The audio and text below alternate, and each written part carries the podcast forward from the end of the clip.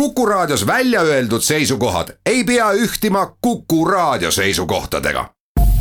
Te kuulate Kuku Raadiot.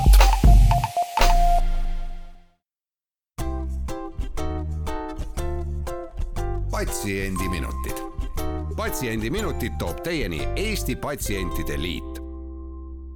tere, hea Kuku Raadio kuulaja eetris on Patsiendiminutid ja saatejuht Kadri Tammepuu. viiruste hooaeg on täies hoos, levib gripp ja need, kes kahtlustavad endal koroonaviiruse haigust, nendele on antud soovitus, et äh, esimese asjana võiksid nad helistada oma perearstile ja kui perearsti kätte ei saa, siis perearsti nõuandetelefonile üks, kaks, kaks, null.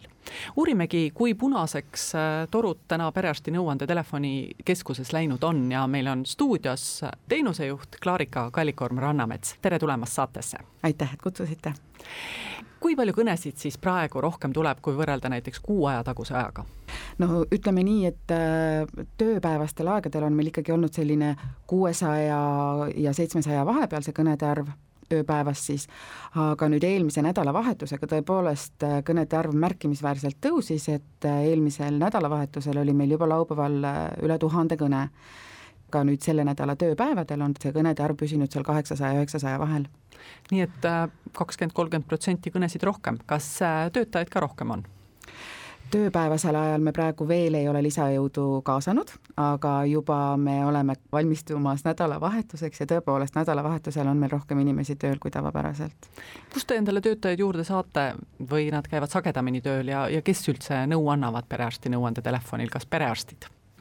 Meil tegelikult on äh, enda selline nii-öelda püsiv personal olemas, aga oleme võtnud juurde inimesi tööle ja on ka kokkulepe meie olemasolevate pereõdede, perearstide ja kiirabiõdede ja kiirabiarstidega, kes meie juures töötavad, et vajadusel nad siis suurendavad oma koormust meie juures kriitilisel ajal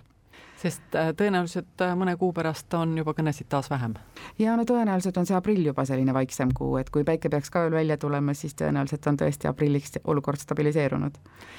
mis puudutab äh, koroonaviirust, siis äh, väga palju on see seotud ka välismaalt tulnud inimestega, kas välismaiseid kõnesid, äh, noh näiteks inglise või venekeelseid on ka rohkem? Seda ei saa öelda, et meil nii-öelda inglise või muukeelseid kõnesid rohkem oleks, neid satub ikka päeva sisse, et meil ju Eestiski elab tegelikult juba päris palju muukeelseid inimesi, mitte ainult venekeelseid. ja nende jaoks tegelikult on eraldi ette nähtud ka päevas selline paar tundi, kus siis on valmis inimene, kes on inglise keeles valmis neid konsulteerima, aga satuvad need kõned ikkagi ka muul ajal ja enamus meie personalist ikkagi valdab kõik valdavad vene keelt ja enamus valdab ka inglise keelt sellel tasemel, et saab ikkagi nõu anda kui nüüd äh, kõned sisse tulevad ja neid on rohkem, mida siis äh, täna põhiliselt teada tahetakse? no põhiliselt on ikkagi meie enda need kolm äh, sellist gripilaadset haigust, mis nii-öelda iga-aastaseltki laastavad meie kliimavöödet lisandunud on siis äh, koroonaviiruse mured, aga neid ei ole nii märkimisväärselt palju, et inimesed küll tunnevad tõepoolest muret, et äh, nad on tulnud kuskilt riskipiirkonnast, haiged veel ei ole, sümptomeid veel ei ole ja lihtsalt tunnevadki huvi, et äh, kas nad peaksid püsima kodus, milliste sümptomite ilmnemisel nad peaksid helistama meile või, või perearstile või noh, vahel nad tahavad ka kuskile pöörduda, aga see on meie esimene soovitus, et mitte kuskile minna ei tohi, et püsitegi kodus ja kui sümptomeid ei ole, siis lihtsalt annate perearstile teada, et te olete tulnud täpselt sealt riskipiirkonnast, kahtlustate, et teil on olnud ka näiteks lähikokkupuude, siis juba perearst äh, võtab selle nii-öelda jälgimise üle. aga enamus praeguse hetke kõnedest on ikkagi seotud äh, ülemiste hingamisteede igasuguste erinevate viirushaigustega ja, ja lastel kipub olema palju kõrget palavikku ja, ja seda nii öösel kui päeval pigem see on meie telefonid punaseks ajanud ja see on ka selline, noh, ma ei saa öelda, et see on normaalne, aga see on selline tavapärane rutiin, et ühel hetkel ikkagi need viirushaigused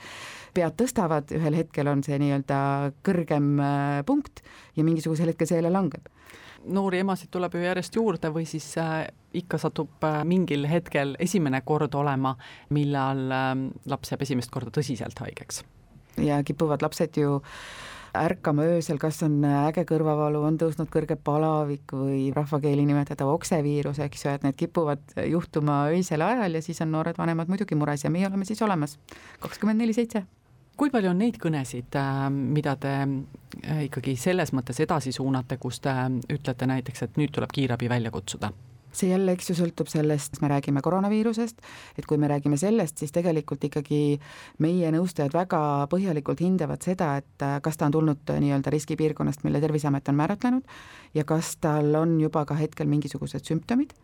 ning äh, kas tal on olnud lähikokkupuude. ja seal on tegelikult ligi kümme punkti, mida selle puhul tuleb ära hinnata, et näiteks kas ta on elanud koos kellegiga teadaolevalt, kellel on olnud kor-, koroonaviirus, näiteks sealsamas Itaalia puhke kuskil äh, keskuses, või et ta teab, et ta on sõitnud kaks tundi lennukis näiteks või, või kolm tundi rongis ja ta teab, et seal on olnud ka see koroonaviiruse haige. et niisama arvata, et äh, sellest lennujaamast jalutas läbi ka üks koroonaviiruse haige, et see ei ole veel alus, et kõnehäirekeskusesse suunata. küll aga seesama esimene nii-öelda tuvastatud juhtum oli ka meie kaasabil tuvastatud, selles mõttes, et inimene teadis täpselt, see Eestis elav iraanlane, et äh, tuleb helistada perearsti nõuandetelefonile. ta tuli bussist maha, ta helistas esimese asjana nõuandetelefonile ja talle öeldi, et ärge ise kuskile minge, me ühendame häirekeskusega ja, ja kiirabi tuleb teie juurde ja tõepoolest niimoodi see läkski. ja noh, loomulikult äh, see, mis meil praegu toimub, eks ju, need äh, tavapärased erinevad viirushaigused, siis ka nende puhul on ikkagi olnud vajadus ühendada häirekeskusega, kui ütleme, me lapsele püsib väga pikka aega kõrge palavik ja sellega kodus lihtsalt erinevate ravimite kombineerimisega ka toime ei saa, et, et palavik lihtsalt ei lähe alla, et siis me ikkagi ühendame häirekeskusega ja tuleb abi koju kohale kui me tuletame meelde, siis uuest aastast hakkas kehtima perearsti nõuandetelefonil ka võimalus isikustatud teenust saada, ehk siis personaalselt saab nõustaja patsienti nõustada. kuidas sellega on, et kas inimesed seda uut teenust ka kasutavad ja kui palju? Äh, kasutatakse ikka, et nüüd me oleme kaks kuud teenust osutanud ja võib öelda, et selline circa kolmsada kaheksakümmend kõnet on olnud praegu sellist, mis on inimene iseenda kohta küsinud. Aga tegelikult autentinud on inimesi üle viiesaja ja millest selline vahe on see, et, et sageli siis vanemad küsivad oma lapse kohta. aga see teenus on praegu selliselt üles ehitatud, et me saame ikkagi seda isikustatud nõu, konsultatsiooni anda sellele inimesele, kes iseennast autendib. ehk et laste puhul me ei jäta nõu andmata, lihtsalt äh, me teeme seda tavapärasel moel. see on praegu nii-öelda laual selle mure lahendamine, et äh, kuidas saaks hakata ka inimese äh, nendele lähedastele, kellele ta on volitatud esindajaks, nendele anda ka nii-öelda nõu mitte ainult enda kohta, vaid ka siis selle lapse või siis on see tema vanem, äh, eakas vanem, eks ju, et see on nii-öelda arutluse all ja noh, ma loodan, et äkki selle aasta jooksul juba tuleb ka see lahendus, et me tõesti saame mitte kolmsada, eks ju, aga viissada kõnet isikustatud kujul kõik nõu anda ja kõikide kohta märkmed tervise infosüsteemi saata. enamasti on ju nii, et kui on äh, selline hooajaline külmetushaigus, siis võib-olla nii väga ei olegi vaja näha inimese digilugu, et neid terviseandmeid sealt rohkem vaadata, võib-olla välja arvatud siis, kui on all mingid kroonilised haigused ja, ja osata siis paremini nõustada, no kui me mõtleme näiteks, äh, kui vanem küsib oma lapse kohta mm. -hmm. just täpselt, et tegelikult äh, see isikustatud konsultatsiooni puhul me ei saa välja tuua nagu mingisugust sellist erilist tüüpi tüüpi kõnesid, et mida isikustatakse, helistavad noorema põlvkonna inimesed, kakskümmend kuni nelikümmend aastat vanuses, eks ju, peamiselt on olnud sekka ka üle seitsmekümne aastaseid inimesi, aga reeglina ikkagi nooremad inimesed, kes tegelikult on harjunud seda nii-öelda autentimist tegema igapäevastes tegevustes korduvalt päevas ja siis nad kurdavadki oma muret, on see siis nohu või köha või peavalu või, või seljavalu. meie teeme iga isikustatud konsultatsiooni kohta nii-öelda kan-, sissekande ka digilukku, et kui inimene läheb oma perearsti juurde, siis perearst näeb, et et jah, et see inimene on vahepeal tõesti haigestunud. Ja, ja samuti näiteks, kui inimene on haigestunud nädalavahetusel, et siis praegu meil veel seda kokkulepet ei ole, et see meie kanne oleks perearstile selliseks kindlaks aluseks, et ta võib selle alusel tagasiulatuvalt töövõimetuslehte alustada, aga kokkulepped on sõlmimisel ja Haigekassa praegu just tegeleb sellega, et anda juriidiline alus sellele, aga põhimõtteliselt, kui hinnangu tervislikule olukorrale on andnud arst, siis äh, perearstid on öelnud, et, äh, et nemad võtaksid seda küll täiesti kindla alusena, et ei peaks inimene minema EMO-sse istuma ega kutsuma endale kiirabi lihtsalt sellepärast, et ta on haigestunud äh, kolmekümne kaheksa viie palavikku. see vähendab inimeste vaeva kuskile minna või, või kurnata kiirabi, eks ju, et ega siis inimesed ei taha meelsasti kutsuda kiirabi endale palaviku pärast. aga see lihtsalt on nii-öelda juriidiline nüanss, mille pärast seda peab tegema no loodame, et see siis õigepeatselt laheneb, sellepärast et äh, võimalust, kus äh, inimene saaks äh, perearsti nõuande telefoni kaudu endal fikseerida ära, et ta jäi haigeks, seda võimalust, ma usun, ootavad kõik. aga teeme siinkohal väikese pausi, peatselt oleme tagasi ja räägime Klaarika Kallikorm Rannametsaga juba perearsti nõuande telefonist edasi.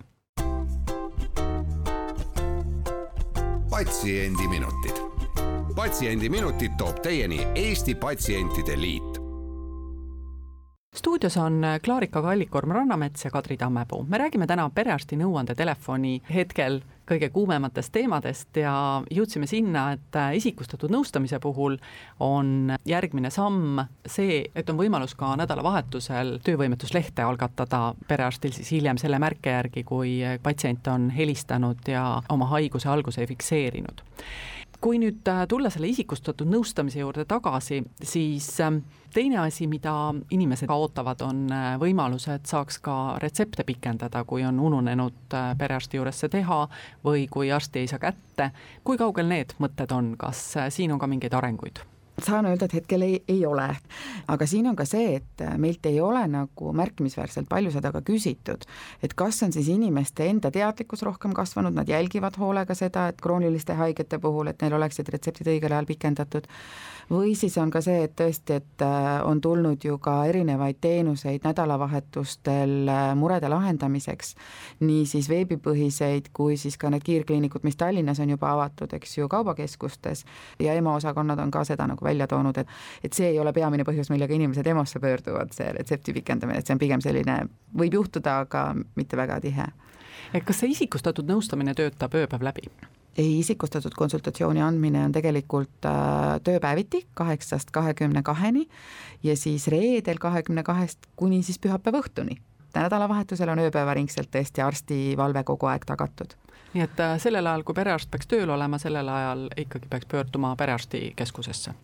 Kui on äh, just retsepti küsimus või töövõimetuslehe avamise küsimus, siis tõepoolest, et muul ajal saame me nõuga abiks olla, aga kui on ikkagi vaja fikseerida seal äh, töövõimetuslehe jaoks, eks ju, haigused, siis ikkagi jah, ma hästi rõhutan, et praegusel ajahetkel on väga mõistlik helistada perearstikeskusesse, mitte kohale tormata, et seda viiruse levikut nagu tõkestada ja ma ei pea siin silmas ainult koroonaviirust. suurem mure on minu meelest hoopis gripilaadsete viirustega, et on ju tegelikult meil neli inimest juba surnud ja kolmsada viiskümmend inimest on sattunud haiglasse selle gripihooajaga. Ja kui võimalus, äh, siis vältige rahvarohkeid kohti. Et eriti need, kellel on kroonilised haigused, et see, sellele inimesele hakkavad ju kõik haigused kergemini külge, et no praegu juba on esimesed haigladki ju kehtestanud külastuspiirangud ja sealt kaalutakse seda ka hooldekodude puhul, nii et suhtleme siis rohkem sidevahendite abil, aga kuidas videokonsultatsiooniga on, et kas selle üle ka mõtisklete? Hetkel ei ole meil isegi aega selle üle mõtiskleda et see jääb pigem suvesse, kui, kui mõelda, et kuidas tulevikus edasi minna? ma ei oska isegi sellele täpset aega öelda, et me ei olegi selles mõttes valmis, et äh, helistajal ei pruugi olla kõige paremad äh, videovõimalused, et äh, telefonid ja arvutid on erineva nii-öelda võimekusega, et kui meie enda poolelt paneme maailma kõige parema kaamera üles, siis see tegelikult, ta ei lahenda olukorda, et kui me ei näe tegelikult, kas on täpid või on juba suured laigud inimesel, et video kvaliteet on nii halb, siis ma ootaks selle lahendusega veel, et käivitame ilusti selle isikustatud konsultatsiooni, saame nii-öelda hakkama sellega, et me saame ka lähedastele nõu anda, et võtame nagu samm-sammult kui me nüüd äh, vaatame neid kõnesid, mis sisse tulevad ja püüame anda inimestele nõu, et mida nad võiksid ähm, juba enne helistamist teha, et äh, mis hoiaks siis äh, inimeste aega kokku ja nõustajate aega ka kokku, et mis need asjad võiksid olla? on hästi oluline see, et alati, kui on võimalik, siis räägiks see inimene, kellel probleem on. muidugi mõistan, väiksed lapsed, nad ei oska võib-olla kõige täpsemalt öelda, kus tal valutab, mõistlik, et vanem räägib tema eest. aga kui keegi helistab teise täiskasvanu eest ja see teine täiskasvanu on võimeline ise rääkima, siis me pigem eelistaks, et räägib see, kellel mure on, et siis ei teki sellist rikkistelefoni efekti mis on veel hästi oluline, et vahetult ennem helistamist mõõta kehatemperatuuri, et siis on täp-, kõige täpsem näit, eks ju, ja nõustaja saab nii-öelda kõige vahetuma informatsioonile tugineda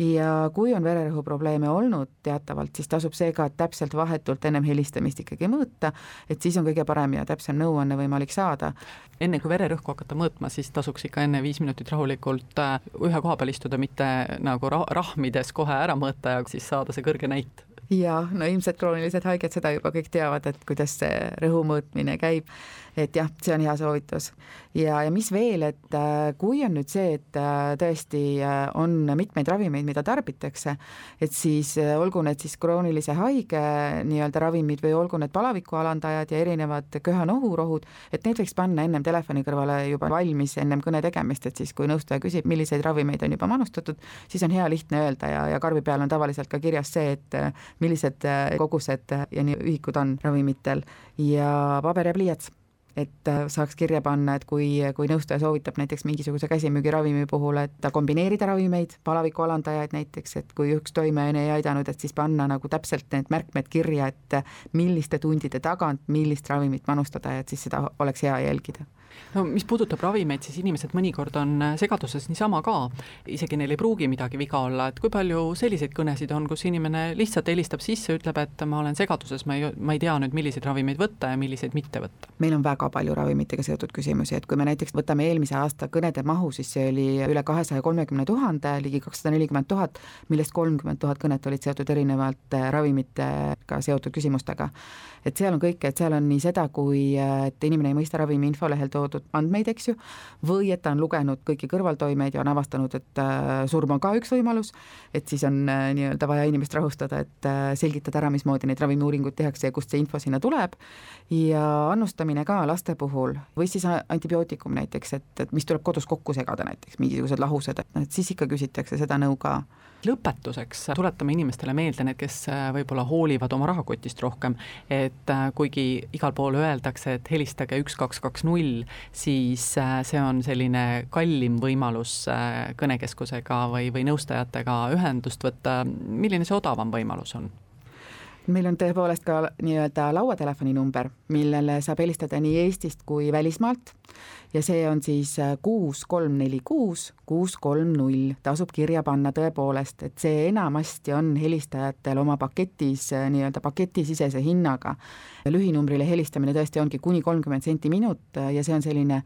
lühinumbri tavatariif, et ta ei ole nii-öelda klassikalises mõttes tasuline telefon, aga seda summat tõenäoliselt märkab ikkagi telefoniarvel. aga et kui kasutada pikka numbrit kuus kolm neli kuus, kuus kolm null, siis te tõenäoliselt ei märka seda hinnalisa seal arvel. nii et äh, telefoninumber oli siis kuus kolm neli kuus, kuus kolm null, selle numbri võib siis valida, eriti kui on teada, et äh, kõne võib minna pikemaks. just, absoluutselt. mis te siis soovitate lõpetuseks inimestele, millised on need ähm, soovitused, mida te kõige rohkem jagate täna? täna jagame soovitust, et kui te olete haigestunud, jääge koju, et olenemata sellest, millist tüüpi viirus teil on, siis äh, igal juhul on mõistlik nii enda kui teiste suhtes püsida haigena kodus. ja kindlasti järgida hästi kätehügieeni ja puhastada ka pindasid, et kui on ka peres väikesed lapsed, siis need meie enda nii-öelda kohalikud viirused äh, murravad ka lapsi. koroonaviirus on siin lühikese ajaga näidanud, et see nii väga lastele küüsi taha ei aja, aga just need meie enda viirused, et äh, jälgige hästi hügieeni ja ei ole vaja minna haigena külla oma eakatele lähedastele ja väikelastega peredele, et äh, ikkagi haigena püsime kodus. no väga tore, püsime siis kodus ja leiame endale kodus tegevust, aga suur aitäh Klaarika Kallikorn-Rannamets täna saatesse tulemast ja täname ka kõiki kuulajaid. küsimusi küsis Kadri Tammepuu ja Patsiendiminutid on taas eetris järgmisel nädalal, seniks olgem terved. Patsiendiminutid. patsiendiminutid toob teieni Eesti Patsientide Liit